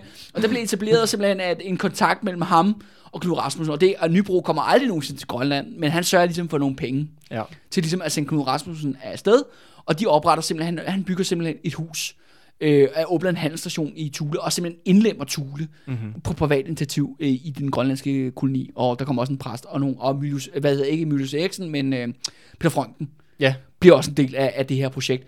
Øh, og der får han jo tilnavnet, at han bliver jo kongen af Thule. Altså Rasmus... øh, Knud Rasmussen, ja? Knud Rasmussen, ja. Fordi han er jo øh, den øh, udøvende, dømmende og lovgivende magt ja. øh, i en, ikke? Han er staten. Han er simpelthen staten, øh, Ja. og øh, helt derude øh, på næsset. Og det virker som om, at det er hans lykkeligste tid. Det er, hvor han er omgivet af grønlændere, hvor det er ham, der bestemmer det hele. Mhm. øh, og hvor han ikke, om så må sige, skal prøve at, øh, øh, at Og passe... spille, og spille, og spille, øh, spille flink over for nogen. spille, spille flink over for nogen. facade op. Demokratiet må føre til Danmarks undergang og samfundets opløsning. Øh, og det han jo også blandt andet bruger det her Tulebasen, eller øh, ikke Tulebasen, undskyld, men Tulekolonien øh, til, det er, at han jo også lancerer de her ja, Thule-ekspeditioner. Den første Thule-ekspedition kommer i 1912, og, øh, og der er det simpelthen at rejse op til Perryland, og simpelthen konkludere, at øh, Perryland er ikke en ø, det er en halvø, og det betyder, at amerikanerne ikke har ret Mm, til at gå krav på den. Ja, til den nordligste del af, af, af Grønland. Øh, og det er jo virkelig faktisk et meget, meget vigtigt move, han gør sådan rent. Det der med, at ja, han er udkæmper om, at sige, den imperialistiske kamp om Grønland. territorial kamp, Ja, men ikke med geværer, men med simpelthen med at tegne nogle kort. Mm. Og rejse ind over isen, Englands, øh, indlandsisen, øh, med slæder og hunde, og, og sagt, det, det er den der model med, at han ligesom lader grønlænderne lave det tunge arbejde. Mm. Øh, sørger for, at øh, han skal bare, altså Knud Rasmussen, når han er på ekspedition, der fokuserer han på, at han er den hvide mand, øh, og han skal overleve og opdage ting, og så lader han grønlænderne om, at sige, sørge for at passe hundene, øh, og sørge for, at der er mad, og, al, og alle de der andre ting, ikke? Ja. Du ved, det har han folk til, ikke? Det er meget bekvemt. Meget bekvemt. Øh, og så er der jo også det der med, at Peter Frønken, som jo er en del år, del år yngre end Knud Rasmussen, det, mm. igen, det starter med, at de bliver perlevenner, mm. og det ender med, at de bliver virkelig, virkelig uvenner, ikke? Ja. Fordi Peter Frønken også øh, i sidste ende kommer til at lære den rigtige Knud Rasmussen øh, at kende. Mm. Og, øh, og igen, Men jeg tror også, han er med på nogle af hans ekspeditioner. ja, det er han netop Og der er også nogle af de der, hvor der har den der sådan saga omkring ham, hvordan han laver en, øh, hvor han falder, han sidder fast i en eller anden Jamen, det er på hule. femte Thule ekspedition. Det er på femte ja, han, er, han kommer også med på den netop. Ja. Men altså, det er ikke fordi, den her i vores podcast, har vi, jeg har ikke valgt, at vi skal gå ind i alle de ekspeditioner. Nej, Det er meget, meget spændende læsning og hæsblæsning og sådan nogle ting. Øh, men det tænker jeg, det må folk selv Ja. øh, dykke ned i. det er sikkert andre podcaster, Ja, gør. ja, ja, der, der, der gør netop, øh, man kan tjekke ud, så meget man har lyst. Øh, jeg vil netop gerne må overholde, øh, holde mig til det overordnede politiske, og hans, sådan set hans betydning, hvad ja. han sådan set, hvad hans, hvad han efterlader øh, mm. til grønlænderne og til os øh, den dag i dag. Ja. Så lad os droppe dit ekspedition. Ja, men, Tilbage, men, back men, on men, track. lad, os, men lad os bare sige, at altså, de her ekspeditioner, øh, de fortsætter selvfølgelig. Øh, du ved, vi har den første i 1912, vi har den anden i øh, 1916 til 1918, den tredje, øh, hvad hedder det, øh, i, øh, i 1919, og den fjerde i 1920, osv. osv. Og det, der man ser, er netop det samme mønster, er, at øh, Knud Rasmussen, han tager ud, han øh, laver en masse grønlændere, øh, laver det hårde arbejde, han opdager ting som en hvid mand, han indsamler nogle eventyr, han indsamler nogle genstande, han tager tilbage til København, han går på druk, han får en masse bestarter. øh, går på fordragsturné, og så tager han tilbage igen til, til Grønland. Øh, og han begynder sådan set at tjene faktisk rigtig mange penge. Altså du ved, især på at sælge de her aviser og, og bøger, og jo større hans navn bliver, jo større bliver hans checks mm. også, ikke? hans honorarer. Mm. Og han er stadig minikonge i Thule på det tidspunkt. Ja, ja, og det er ham, der er 100%. Det er hans koloni, det der. Mm. Altså ligesom... Den han, første, han er hans side her. Ja, ja, ja. Ligesom ja. den første koloni, det er hans hedeskoloni der i, øh, i Nuuk. Så den, øh, og så den sidste koloni, om så må sige, det er Knud Rasmussen i, i Thule, ikke? Mm-hmm. Øhm, og det skal også siges, at Knud Rasmussen også bliver gift øh, og får to piger, men dem ser han, altså den der familie, den ser han aldrig. Du ved, fordi han jo har travlt altså, med at være enten er i Grønland på ekspedition, eller styrer sit kongerige i Thule, eller også, så- når han så endelig er i Danmark, jamen, så er han jo på foredragsturné. Ja. Eller ved, på tjener- drukker, drukker hår. Jeg drukker hår, ikke? Så det har han sgu ikke tid til. Er det, er det en, øh, en for den, øh, den danske elite i Grønland, han bliver gift med? Eller er det en grønlænder? Nej, nej, det er en, dan- det er en dansk kvinde. Okay. Det er en dansk kvinde. Ja, Ja, det, men hør, der er ikke, han har ikke noget at gøre med dem, så det er faktisk ret uinteressant. Nej, okay. Øh, hvad- men, men det skal siges, at øh, han, øh, altså, han begynder at få nogle penge, så han øh, installerer den her, sin familie øh, pænt i en øh, fin lejlighed i Gentofte, og så køber han så faktisk også et hus i Hundested. Mm-hmm. Øh, og det er ret, øh, Hundested ligger jo her, ja, du ved jo nok ikke, hvor det er. nej, er. nej, nej, det tænker jeg også, øh, det er derfor, jeg lige, så lige forklarer det. Ja, og så er du Gentofte, er det på Vestegn? Eller? Ja, Ej, ej, på dig. Fedt, Andreas. sjov, sjov med geografi, ikke? øh, nå, men, men Hundested ligger altså i det Nordsjælland. Ja, okay. Helt op i det nordligste Sjælland. Og øh, hvis du nogensinde kommer derop, Andreas, så kan jeg fortælle dig, at de er gået all in med Knud Rasmussen. Alting derop er opkaldt for Knud Rasmussen. Over det hele derop. Og hans hus ligger deroppe, og det er faktisk, det her hus er ligesom, skal vi kalde det, det er hans øh, retreat, hvor han sidder og skriver sine bøger.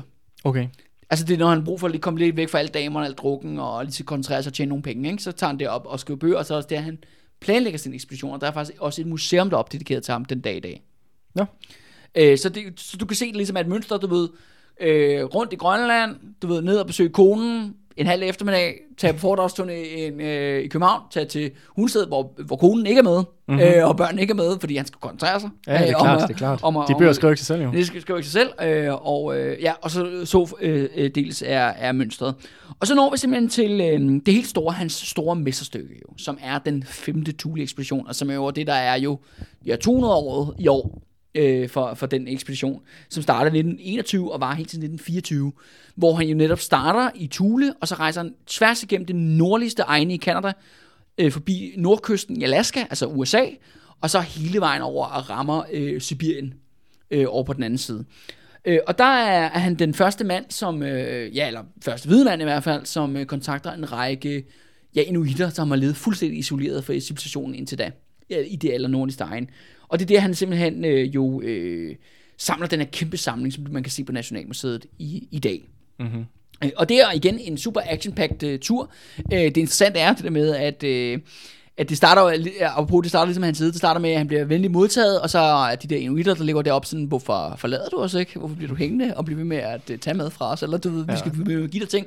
Og så ender det Han nogle gange... ligesom deres gæstfrihed. Ja, ja, ja lige, lige præcis, ikke? og det ender med nogle gange, at de må simpelthen tage, øh, du ved, øh, jeg flygte ud af, af området, fordi jeg nu er inuitterne godt træt af, af mm. at det, han, han er der, ikke? Øh, og øh, efter han har været afsted i så lang tid, så skal han selvfølgelig hjem. Øh, og, men den her tur, den tager han tværs igennem USA. Altså, han tager simpelthen toget. Han, Okay. ja, du ved, han kommer ned til, øh, du ved, Seattle, og så tager han bare ja. Toget derned. Og det bliver en kæmpe turné for ham. Det er simpelthen højdepunkt i hans status. Fordi der går han, om så må sige, han har været en berømthed i Norden i mange år jo. Øh, fordi at øh, de der ekspeditioner, han, han drager ud på, det bliver også fuldt i Norge og i Sverige for eksempel, og i Finland mm-hmm. og andre steder øh, i, ja, i vores lokalområde. Men med femte Thule-ekspedition, der når han simpelthen international status. Så nu bliver han international Ja, rockstjerne. ja, fordi han dukker jo op, og han har været væk i, øh, i fire år jo, øh, opdaget alle de her ukontaktede folk, og indsamlet alle de her genstande, og han har nogle øh, inuitter med, han kan vise frem og sådan noget. Og det er jo sådan, at øh, du ved, øh, alt fra Seattle til New York, der bliver han modtaget af borgmester og politikere, og de holder kæmpe æreskaller for ham. Han får den helt store, øh, Og det er virkelig, det er altså hans våddrøm, der øh, går i opfyldelse her. fuldstændig. Altså, der, du ved, anerkendelsen vil jo ingen ende tage, øh, og han skal kysse baby alle steder, han kommer også, og så videre, så Ja, ja. ikke? Altså, han lever, virkelig lever the high life, og det betyder jo også, at alt, hvad han har skrevet, bliver oversat til engelsk og alle mulige andre sprog. Ja. Så altså, han går, om så at sige, for at være en lokal kendis til at blive en international kendis. Øh, Og netop bliver også kendt som jo en af de sidste, sidste hvide mænd, en af de sidste imperialister, en af de sidste opdagelsesrejsende i, den, øh, i verden. Ikke? Fordi nu har vi jo nået i tiden efter Første Verdenskrig. Mm. Så nu er om så at sige, der er ikke, om så at sige, mysteriet i verden er ved at forsvinde. Ikke? Nu har den hvide mand været opdaget næsten det hele, og Knud Rasmussen, ja. han opdager det aller, aller sidste. Ja. Ikke? Og alle verdens større, større imperialistiske magter har lige været i gang med at ødelægge det meste af jorden. Ja, og nu har vi brug for til Igennem noget andet, og Knud Rasmussen han kommer og, ind og, og underholder os øh, Ja. rigtig, rigtig godt. Øh, og, øh, og det interessante er netop, at og det vil jeg så vil hæfte os ved, hvis, øh, hvis de rygter, jeg har hørt, at øh, man vil udskifte øh, jubilæet i år, eller hvad skal vi kalde det, markeringen i år, med at man ikke gider at fejre hans side, men til gengæld vil man gerne fejre Knud Rasmussens 5. Thule-ekspedition. Og øh, hvad er the legacy, om så siger, for 5. Thule-ekspedition? For det interess- altså, fordi det, han egentlig har efterladt, er jo faktisk tragedie. Hvad er der sket med Thule? Altså, i Grønland, det blev jo netop Tvangsflyttet. tvangsflyttet, jævn, altså ja, de blev netop tvangsflyttet af amerikanerne, altså i 1953, mange år efter, og alle Jeg tror de, faktisk, det var de danske myndigheder, der tvangsflyttede Ja. på amerikanernes... ja, ja, på påbud. amerikanernes vegne, ja, det er netop ja. Rigtigt, ikke? Ja, hvor de blandt andet blev flyttet til områder, hvor der ikke var noget, nok fangstmuligheder, så de begyndte at sulte. Ja. Og hvor de danske myndigheder, for at være sikre på, at hulefolkene ikke ville flytte tilbage, så brændte de alle deres gamle huse og bopladser ned, for ligesom at være sikre på, at de, de ville blive der i de der områder, hvor de sultede. Ja. Så, ja, så det er også en øh, munter historie omkring øh, dansk Ja. kolonialisme. Ja, ja, ja, og det er jo Knud ja. Rasmussen, Mm. der ligesom har sørget for, at de kom på radaren, Mm. de der folk, der levede der omkring øh, Thule, ikke? Og det andet er jo så også alle de her ukontaktede inuitstammer og folk eller familier, som han har fundet i sin lange rejse gennem Kanada. Fordi hvad skete der med dem bagefter? Jamen så kom jo de kanadiske myndigheder og tog deres børn og spød dem ind i de der residential schools. Mm. Dem, som der er lige kommet åbnet de Hvor massegrave de nu med. finder de der massegrave. Mm. Det er jo Knud Rasmussen, der har sat de her mennesker på myndighedernes radar i Kanada og i USA. Mm. Og det er jo det, der er tragedien. Og det er interessant at sige, at nu er hverken med det der med Thule, at de blev ja, smidt væk, eller det der med, at de der børn blev, om at sige, øh, Myrdet. ja, myrdet, ja, ja, brutalt myrdet, og det er jo en kæmpe sag, der kører lige nu i Canada. Det er jo ikke øh, Knud Rasmussens, altså det er jo ikke noget, han gør, øh, om så at sige, det er jo ikke det, der er hans mål. Det er jo ikke han hans står- intention. men det, int- men det interessante er, Andreas, at han vidste godt, det ville ske. Mm. Og det skriver han flere gange åbent. At han siger, jamen, nu kommer jeg og indlemmer det civilisationen. Og han siger flere gange, jamen det jo føre til deres undergang. Mm. Og det er jo så her, det interessante ved Knud Rasmussen ligesom træder ind. Og det, jeg synes, der er det vigtige. Det er, at manden er ikke, Knud Rasmussen er ikke dum, forstår du, mener. Altså, jeg vil, jeg vil sige, at han er meget mere intelligent end hans side. Hans, hans side virker mere som en... Galning. Ja, en lunatic, ikke? Ja. Hvor Knud Rasmussen Han er ikke bare sådan en nyttig tåbe. Nej, nej, nej. Knud Rasmussen ved godt, hvad han laver, øh, når han, net, han har besluttet for, at det, det er hans liv, det her. Og han ved godt, at når han går ud og får fat i de her folk, og indlemmer dem i civilisationen, propper dem på andre hvide mænds radar og kort osv., osv. Mm. at så vil den hvide mand komme efter dem. Så vil myndighederne komme. Så vil, komme, så vil de komme og, ligesom, og indlemme dem i civilisationen med alt, hvad der følger efter sig. Og han, overgreb og alt og han skriver flere gange, jamen deres kultur, deres sprog, deres religion vil nu gå til grunden, efter jeg har mødt dem. Okay, så det, det siger han helt Det åbent? siger han helt åbent, og han siger det mange gange. Igennem alle sine artikler og bøger og sådan nogle ting. Og det er jo sådan interessant med Knud Rasmussen, men han gør det så alligevel. Mm. Han gør det med fuldstændig åbne øjne, fuldstændig bevidst. Overlæg, ja. Overlæg. Ja. Og det er jo igen det, der kommer frem til, at Knud Rasmussens projekt handler ikke om inuitkultur. Det handler ikke om opdagelsesrejsende. Det handler om Knud Rasmussen. Mm. Det handler jo om det der med, at de er, om så må sige, et skridt på hans sociale opstilling. Mm. Og hvor at de hvide mænd, Man kan sige, de, de kan er, bryde med ham. Ja. De kan slå op med ham, om så må så sige. Ikke? Mm. Og de der øh, bastarder, han er efterlader sig, de behøver ikke have noget at gøre med ham. Dem kan han betale penge til og ligesom slippe væk fra det der. Men det kan de her inuiter ikke. Mm. De kan ikke slippe væk fra Knud Rasmussens, om så må sige, legacy og hans fodspor. Mm. Og det synes jeg er interessant, det er, at det er en mand, der fuldstændig ved, at nu vil de her menneskers liv gå til det værre. Mm. Men han gør det alligevel. Mm. Det synes jeg, der er en interessant ja, paradoks. er fordi jo- han, han sætter sig selv højere. Mm. Han sætter sit egen karriere højere.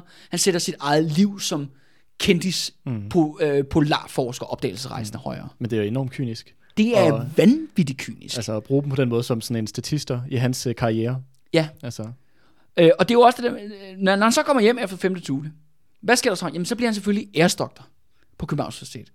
fedt. Altså, ja, ja, og det, og det interessante er jo det der med, at han er faktisk ikke en mand, der har bedrevet forst. Altså, du ved, Nej, han har nej. indsamlet nogle eventyr på vejen, og han har købt, købt handlet sig, stjålet sig sådan nogle genstande rundt omkring på sine rejser. Øh, men det er jo det der med, at den der gigantiske kentostatus, han får i USA på sin hjemtur, der gør simpelthen, at han bliver bare kastet en højt akademisk position i nakken, uden han sådan set har lavet arbejdet. mm.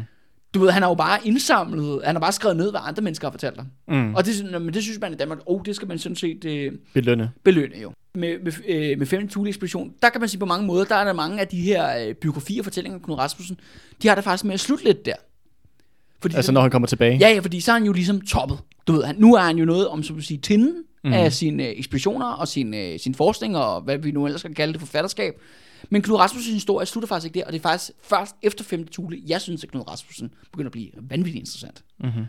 Fordi at øh, der, Knud Rasmussen kommer hjem, og han er jo selvfølgelig den er superkendis, der får han om sider, om så at sige, banket det politiske system på dørene. De begynder om sider at åbne øjnene for, at Danmark kan ligesom bibevare kontrollen over Grønland. Og øh, Knud Rasmussens øh, projekt, det der med, han jo kommer fra den her danske elite, den her elites projekt om at bevare, bibeholde øh, kontrollen over Grønland, det bliver lige pludselig politikernes projekt om at bibeholde øh, kontrollen over Grønland. Og det er jo så her, det ironiske er, at hvor at i 1800-tallet, der havde vi Elfsdiktaturet, de var pisselig glade med Grønland.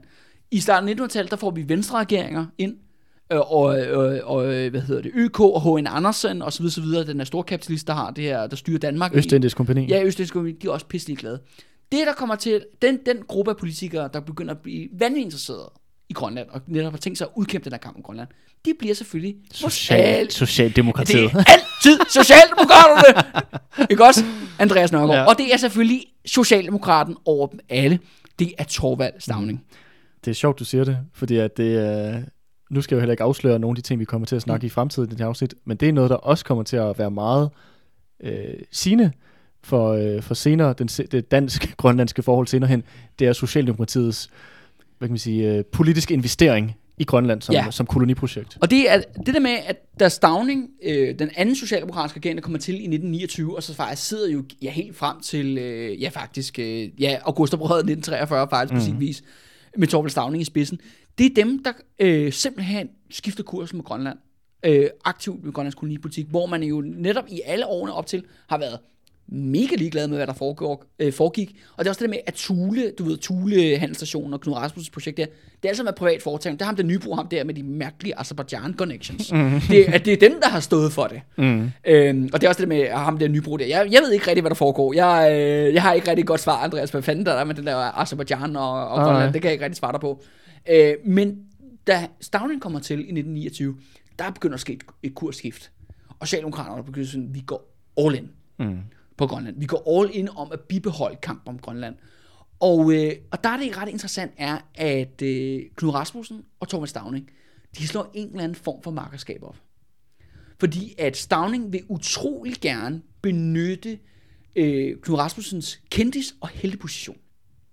Til at fremme sig selv Han politisk. bliver simpelthen en socialdemokratisk, imperialistisk posterboy. Og alt efter sin, hvor, øh, hvor, og så kan vi spekulere på, hvor ligger Knud Rasmussen egentlig sådan selv politisk? Efter sine er han liberal, Okay. er, er, er nogle kilder, der siger. Men øh, han vælger godt nok at gå i folk med Socialdemokraterne alligevel. Hvad er det konkret, han gør? Bliver han bare sådan... Optræder han sammen med dem i forskellige offentlige... 100 procent. De to begynder at blive som, du ved, den samme side af samme mønt, ikke? Du ved, Stavning bruger Knud Rasmussen til ligesom, at du, han låner jo lidt af hans kendtisklorie, Hans hans, fame, opda- ja. hans fame, hans actionman, du ved, han er sådan en, der drager ud og overlever alle mulige øh, vilde ting ude i naturen, ikke? Og det bruger ligesom Stavning også til at øh, pusse sit eget image af.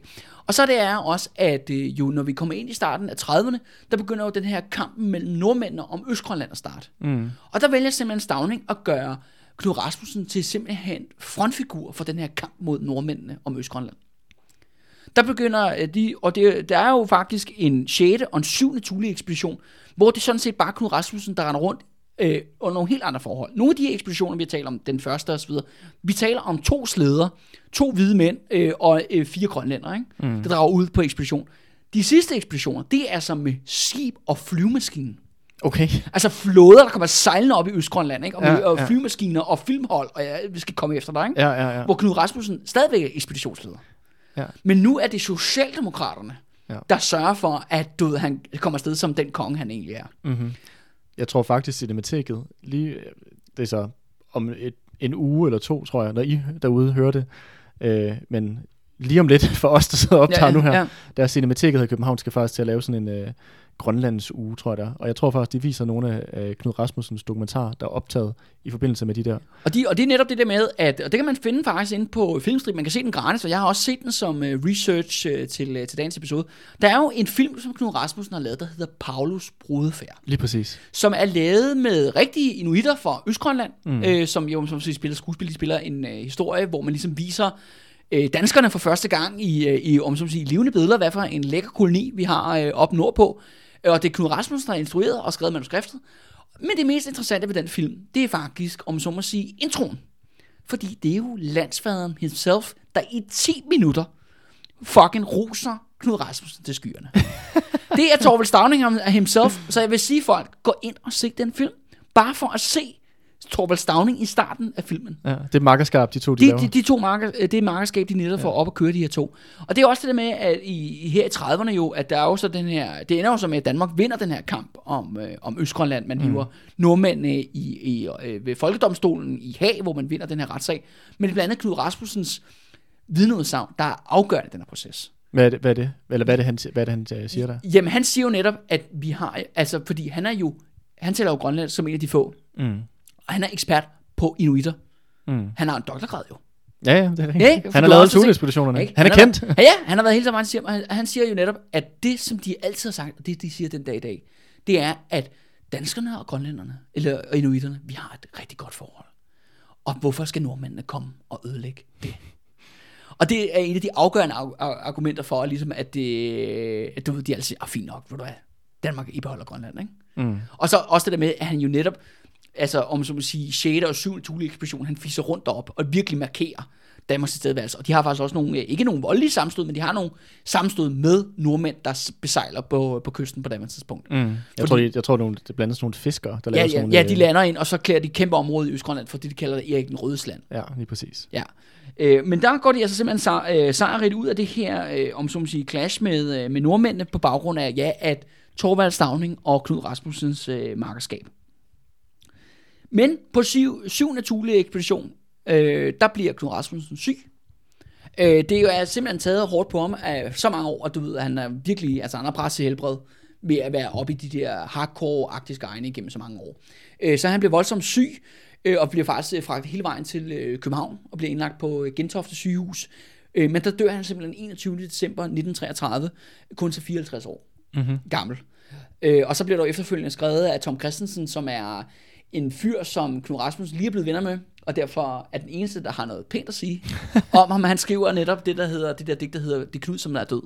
Nå, Som folk jo så er... kender som en folke eller en, en sang. Jeg I dag, I dag kender nok fleste folk, fordi Minds of 99 har lavet ja. En sang hen over digtet. Ja. Men det er også et det, det, det digt, der er meget, meget kendt, og det er sådan noget, du kan blive undervist i dansk i folkeskolen, for eksempel. Ja, og, sådan noget. ja. og det er jo endnu en gang med til at slå myten, helten Knud Rasmussen fast. Og det mm. Tom Christensen er, at han stort set lige har mødt Knud Rasmussen. Ja. Så det er ikke noget at blive uvenner endnu. øh, og derfor øh, er det også ham, der skriver det her. Og Ja, ja. ikke nogen af de folk, der har kendt Knud Rasmussen i mange år, Nej. der skriver noget om ham. Men selv i døden, Andreas, der er Knud Rasmussen ikke færdig med at tjene Socialdemokratiet. Og han tjener faktisk Socialdemokratiet den dag i dag. For ret ironisk, nu har vi jo snakket lidt om, hvad Knud, hvor Knud Rasmussen har været hen i sit liv. Han, har brugt, han er født i Ilulissat i Grønland. Han har grundlagt Thule, øh, ja, byen, om så, eller øh, inden, inden den blev flyttet, om så må sige. Ikke? Ja. Indledede, indledede min kolonien. Øh, ja, indlemmet kolonien. Han har rejst igennem mest af Canada, Alaska, Sibirien, så Og øde- ødelægge deres liv, inuiterne. Ja, ja, ja, selvfølgelig. Og, øh, og så har han jo det der med, når han så har været i Danmark, hans øh, kone og hans to døtre, de har boet i Gentofte. Aldrig set ham, stort set. Ja, men, men, men det var hans navn, der stod på adressen, ikke? Ja, ja. Øh, øh, og så har han jo haft det her hus op i Hundested, Mm-hmm. som jo så en dag er museum af, øh, øh, til ham. Men hvor tror du så, at Knud Rasmussen er begravet den dag i dag? Ligger han ved siden af Torvald Stavning? Det gør han da, Andreas. Gør han det? Ja, det gør han da. De ligger netop, ikke side om side, men det er fandme tæt på. De ligger netop begge to ude på Vesterkirkegård, i noget, der hedder det Røde Hav, hvor alle, samtlige socialdemokrater er begravet, altså i hvert fald socialdemokratiske statsminister er Mhm. begravet derude. Og der ligger han. Der, øh, man har simpelthen, Socialdemokratiet har simpelthen taget Knud Rasmussens lig og kølet det ned ved siden af dem selv. Jeg har ikke nogen øh, god forklaring på, hvorfor fanden. Det giver netop ikke nogen mening, at Knud Rasmussen har havnet i København Mm. på Vesterkirkegård. For øh, som jeg lige beskrev, han har en relation til alle mulige andre steder. Ja, ja. Men jeg ved ikke, hvordan det kunne lade sig gøre med Knud, men Torvald Stavning har simpelthen taget hans kolde lig og begravet det, så han ligger ved siden af Torvald Stavning og alle hans socialdemokratiske venner. Ja. Så selv i døden vil Knud Rasmussens navn og heltestatus glorie, det vil skinne en lille bitte smule På Socialdemokratiet. på Socialdemokratiet. Det er kongelige danske Socialdemokrati. Under tiden kræver det lidt humbug at få folk til at tro på selv de bedste ting. Må, må jeg lige sige, sige noget, Kalle? Ja, selvfølgelig. Det var, det var bare lige i forhold til... Altså nu er vi ligesom slået fast her med, hvordan at, at Knud Rasmussen har ligesom... Øh, han har ligesom ødelagt en masse ting, især for de her øh, inuitter, som der boede, om det så er i Grønland eller Kanada, eller hvor det ligesom har været. Ja. Øh, og det har været fuldstændig motiveret af, at han skulle øh, være stor og berømt og kendt. Og, og det, det, er jo, det er så her, hvor jeg vil så sige, jo, i helteglorien er i dag. Mm. Fordi der er tale om det der med, uha, i år, ikke? vi kan ikke rigtig fejre hans side. Så vi lige har etableret, man skal altså ikke mange sider ind i hans sides historie, før det der med pisken og alt vanvid, det bare begynder at, mm. at dukke op, og åndemand og drab og sådan noget. Det er ikke en god historie, hvis mm. man bare kigger lidt grundigt på hans side. Men Knud Rasmussen har vist sig at have lidt, være lidt mere sej. Mm. I forhold til, fordi historien er jo det der med, at han er jo bare sådan en opdagelsesrejsende, der rejser rundt sammen med grønlænder, hænger ud med grønlænder hele tiden. Han taler grønlandsk, han indsamler deres genstande, skriver deres eventyr ned, og er med ligesom til at bibevare deres kultur til nutiden. Mm. Øh, og der kan man så sige, ja. jo han har jo haft en betydning af, at han er den første, der har skrevet det ned og skrevet bøger om det, og mm. afhandlinger og sådan Ja, ting. på overfladen ser det jo... Ja, han har netop ja. afsat sig, sat sig et aftryk i kulturen. Han blev ærestok, da han blev mega kendt.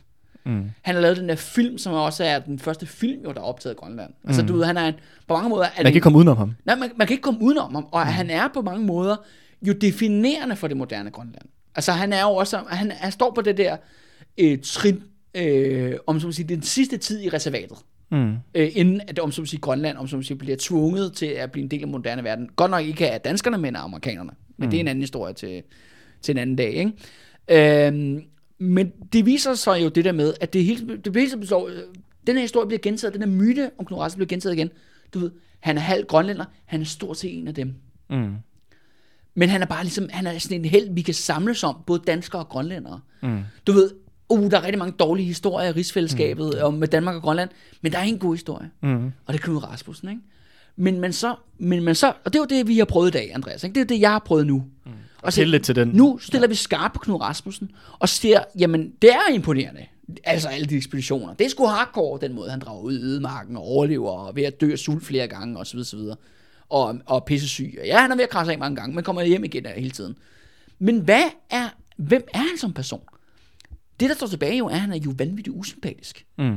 Han er en mand, der bruger andre mennesker til at opnå, mm. hvad han godt kunne tænke sig at blive. Netop at blive kendt. Mm. Og han har ikke nogen venner. Og han har ikke nogen venner heller. Og det er jo også det der, at, hvor at han kan udnytte hvide mennesker og alle mulige andre. Det skal også siges med ham der ingeniør, ham der nybro, ham der med Azerbaijan. De er da selvfølgelig også med at blive dødelige uvenner. Selvfølgelig. Fordi Knud Rasmussen kan ikke bygge nogen relationer til andre mennesker. Ja. Udover at han kan selvfølgelig bruge grønlænder, fordi de er klart hierarki. Ja. Og de kan ikke sige stop på samme De, måde. og de kan ikke sige Eller stop. sige fra. Ja. De kan ikke sige fra. Og det er jo også det, der er hans, jo hans legacy. Det er jo, at han netop bruger grønlænderne. Mm. Og det bliver, eller ikke grønlænder kun, men inuitter Mm. generelt. Over hele det nordarktiske område. Og det har jo dire consequences. Det er jo stadigvæk en tragedie, det der med befolkningen jo blev tvangsflyttet i Thule i, øh, ja, i det nordligste Grønland. Ikke? Der er i 50'erne. Ja, det er i 1953. Ja. Ja. Men det er jo endnu værre for alle de inuitter, han sat om, som, som han fandt, om man så må sige, nu laver jeg lige air quotes her på mikrofonen, ikke? i Canada. Mm. Det er jo der, det er jo, det er jo netop i den her periode i 20'erne, det er fordi, det, forstår hvad de her residential schools, vi har nævnt igen jo, det er jo, at den kanadiske regering besluttede sig for simpelthen, at de vil øh, tvangscivilisere alle deres øh, oprindelige folk. Ja, Ja. om det så er de der... Om inuitter eller indianer, det er hip som har ja, for eller dem. First Nation, Ja, eller hvad First. Nation, hvad de nu kalder dem, ikke? Ja, ja. De bliver alle sammen, deres børn bliver taget fra dem, de bliver losset ind på de her residential schools, hvor de Mishandlet. mishandlet Sultet. og misbrugt. Ja. Ja. Altså vi taler om, at de bliver jo voldtaget af hunde af katolske præster for sjov. Mm. Og derefter bliver de dræbt og sultedøde, og, de, og det sker jo i Over hele landet. hele landet og i 100.000 vis. Mm. Man bliver ved med at åbne den ene massegrav efter den anden. Og det er vigtigt, og, og kan sige, det er jo ikke, det er jo ikke noget, den danske regering har besluttet. Det var jo ikke, altså der er også gået mange overgreb fra, fra dansk side, men det var dog ikke en af dem. Man gik jo ikke ud af lod hunden voldtage, øh, hvad hedder det, grønlandske børn i, i 20'erne. Øh, Og det skal også sige, at de her residential schools, de topper jo netop i Knud Rasmussens periode, de topper jo netop fra 1910'erne til 1990'erne. Mm. Bliver, øh, De sidste lukket. ja, ja, bliver de sidste lukket. Det er hvor- meget sent. hvor det, jamen det er jo, det er jo, øh, det er jo en form for koncentrationslejr for, for børn, øh, inuitbørn, ikke? Ja, ja. Ja jeg, så, jeg så også nogle, øh, nogle billeder, det er så også igen fra Canada, men hvor at øh, inuiterne i Canada, at, øh, at de op til de der residential, residential schools blev lukket, så der i, ja, i 80'erne jo, Ja. at der fik... Øh, Jeg tror nok, den sidste lukkede 94, hvis jeg lige kan Ja, det huske kan godt være, øh, ja. top of my head. Men ja, ja. ja. Men, øh, men der, øh, der fik man øh, sådan nogle, øh, når du kom i de her skoler, så fik du sådan en lille, hvad hedder det, sådan øh, halskæde-agtig ting. ja, Med- en lille graduation-mærke eller sådan noget. Ja, men du fik sådan en lille halskæde, hvor du fik sådan en, øh, ligesom sådan en dog tag, ligesom hvis du går for i her i USA. Ja. Og der stod der et øh, Eskimo, og så et nummer på. Og det var dit identifikation. Du var, du, du var bare, du ved, der var Du var Eskimo Du var- øh, 506, præcis, ikke? ja. Ja. Og så var det, det, var- det var dit, det var dit CPR-nummer. Det var din identitet. Det var ikke dit navn og din, øh, og din fødselsdag. og sådan noget. Det var bare, du var bare et nummer af endnu en eller anden, der skulle civiliseres. Ja. Altså, øh, hvorfor, og det, jeg vil sige, jeg ved ikke om den danske stat nogensinde har kørt noget eller det på den måde, men jeg tænker bare, det er noget af det mest sådan, umenneskelige, du kan være, gøre ved folk på den måde. Altså misbruge dem i de der skolesystem fuldstændig, og tage enhver form for sådan øh, selv, hedder det, individualitet for de her mennesker, reducere dem til et nummer, og fuldstændig ødelægge dem som på den måde, som det er sket. Og det er jo Knud Rasmussen, der har lagt grundlaget for det her. Det, Det er ham, der har indledt den her han proces. har indledt det. Ja. Han har indledt den her proces, også fordi, og, og, det, er jo det, og det er jo det, der er det kyniske, det gør han, fordi han gerne vil tjene penge og være kendt. mm. Altså det er det, der er hans hovedposition, og det er det med, at han gør det med åbne øjne. Mm. Han er godt klar over konsekvenserne. Det kan godt være, at han ikke kender residential school-systemet i, i detaljer, men jeg er ikke i tvivl om, at han har hørt om det, Mm. øh, da han rejser ind med 5. Øh, Thule-ekspedition. Og det er også det der, øh, den dag i dag jo, er det jo sådan, at inuiterne i Kanada har det jo tusind gange værre end, end, end i Grønland.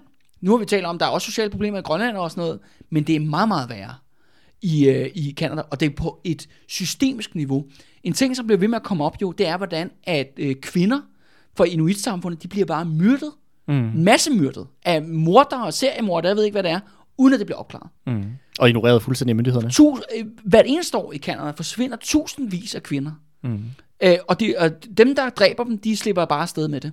Mm. Øh, og, det- ja, og det kan man så sige, at, øh, og, det, og, det, og det tror jeg måske er værd at øh, pointere, at, at jo, jo længere tid der var gået, om så at sige, før de sidste folk blev indlemmet, jo, Jo bedre tror jeg, at de havde været stillet. Ikke? Ja, det var i hvert fald, man kan sige, katastrofen blevet udskudt. Og, den Ja. havde, og den, når den så indtraf, havde den måske ikke haft så meget tid at gå på, og være så alt ødelæggende. Kunne måske. Men det er jo, altså, og det er jo værd at bemærke, at da Knud Rasmussen, om så at sige, han kontaktede de her folk jo, og så drager han jo videre, og så sker der jo faktisk ikke noget for dem et par år jo. Mm. Åh, vi har mødt en hvid mand, det var meget sjovt, ikke? Nå, videre, videre. Han blev godt nok lang, lidt lang tid. Det var dejligt, han tog afsted Ja, ja, det var igen. så stadig igen. Men det, der er det afgørende, det er jo faktisk, da han rejser igennem USA. Mm. Fordi der fortæller han jo alle og alt. Mm. Hele verdens Hvad han har oplevet hvad han har på, oplevet. på og toppen af deres kontinent. Ja, hvad han har fundet. Ikke? Mm. Og det gør jo lige pludselig, at det begynder at bimle og bamle i Ottawa og i Washington og andre steder. Mm. Så selvfølgelig, fordi at Knud Rasmussen, han gør jo faktisk lige præcis det, som Robert Perry gjorde i Grønland. Mm. Du ved, han drager ud og begynder ligesom, uha, der er en anden hvid mand, der begynder at kravle rundt ind i vores område. Mm. Det skal vi have stoppet. Mm. Og det er jo det, der får Knud Rasmussen og, hans, og ikke mindst hans far og ham der Nybro-ingeniøren og alle øh, fra Azerbaijan der, til at kaste sig ud i, i at øh, ja, indlemme Thule-området Mm. i den grønlandske koloni. Og det er på samme måde en gang sætter Knud Rasmussen den, den samme proces, bare for kanadierne og amerikanerne. Mm. Det, er en, det er lidt ironisk på den måde, at man kan sige, hans karriere den piker, når han kommer der igennem USA, bliver en verdenskendis, men på den måde så lægger han også fundamentet for at lave et lavpunkt for inuiterne, Ja, historisk set. og det er jo også det med, at når han bliver portrætteret, som, åh, han er jo egentlig inuiternes ven. Han mente det jo egentlig godt. Men, men vi kan jo bare sådan, ikke? Altså, ja, Hvad kan stille spørgsmål ved det? Man kan, man kan stille spørgsmål ved det. Og, og det er jo også det, der er interessant, det er, at en ting er, at han selvfølgelig ikke, Knud Rasmussen har selvfølgelig ikke ønsket, at det præcis var det, der skulle ske med residential school-systemet. Nej, nej. Men det, det er han godt. Han vidste, han vidste men godt, han vidste det godt. Ja. Han, han, han vidste det jo godt på et dybere niveau, og han har sagt det åbent Mm. flere gange. Og det tyder jo også på, at, at på trods af, at han virker jo nærmest sådan lidt sociopatisk, ikke? at det der med, at han, ikke kan, øh, han kun kan bruge mennesker, de er sådan ting for ham. Altså noget, han ligesom, mm. det er noget, han gerne vil udnytte til ligesom at tjene sin egen formål. Så er han jo også sådan klart nok, han har perspektiv nok, intellekt nok, til også at indse de videre og større konsekvenser af hans handlinger. for hans handlinger. Ikke? Mm. Og det øh, og så sige, ja, altså, og det er så, vi vil ikke fejre hans side, men vi vil åbenbart gerne fejre Knud Rasmussen. Et, må jeg stille et spørgsmål på falderæbet? Ja, selvfølgelig. Nu snakkede vi om, at, øh, at øh, nu, nu sluttede vi af med vores afsnit med, med hvad hedder det, hans æde, om at vi konkluderede, at han, ikke, han i hvert fald ikke fortjente en statue. ja, ja. Hvad synes du med Knud Rasmussen fortæller han alle de statuer, der, Ja, ja, ja. der står af ham? Nej, det synes jeg sgu ikke. Pille dem ned. Lad det være sidste ord.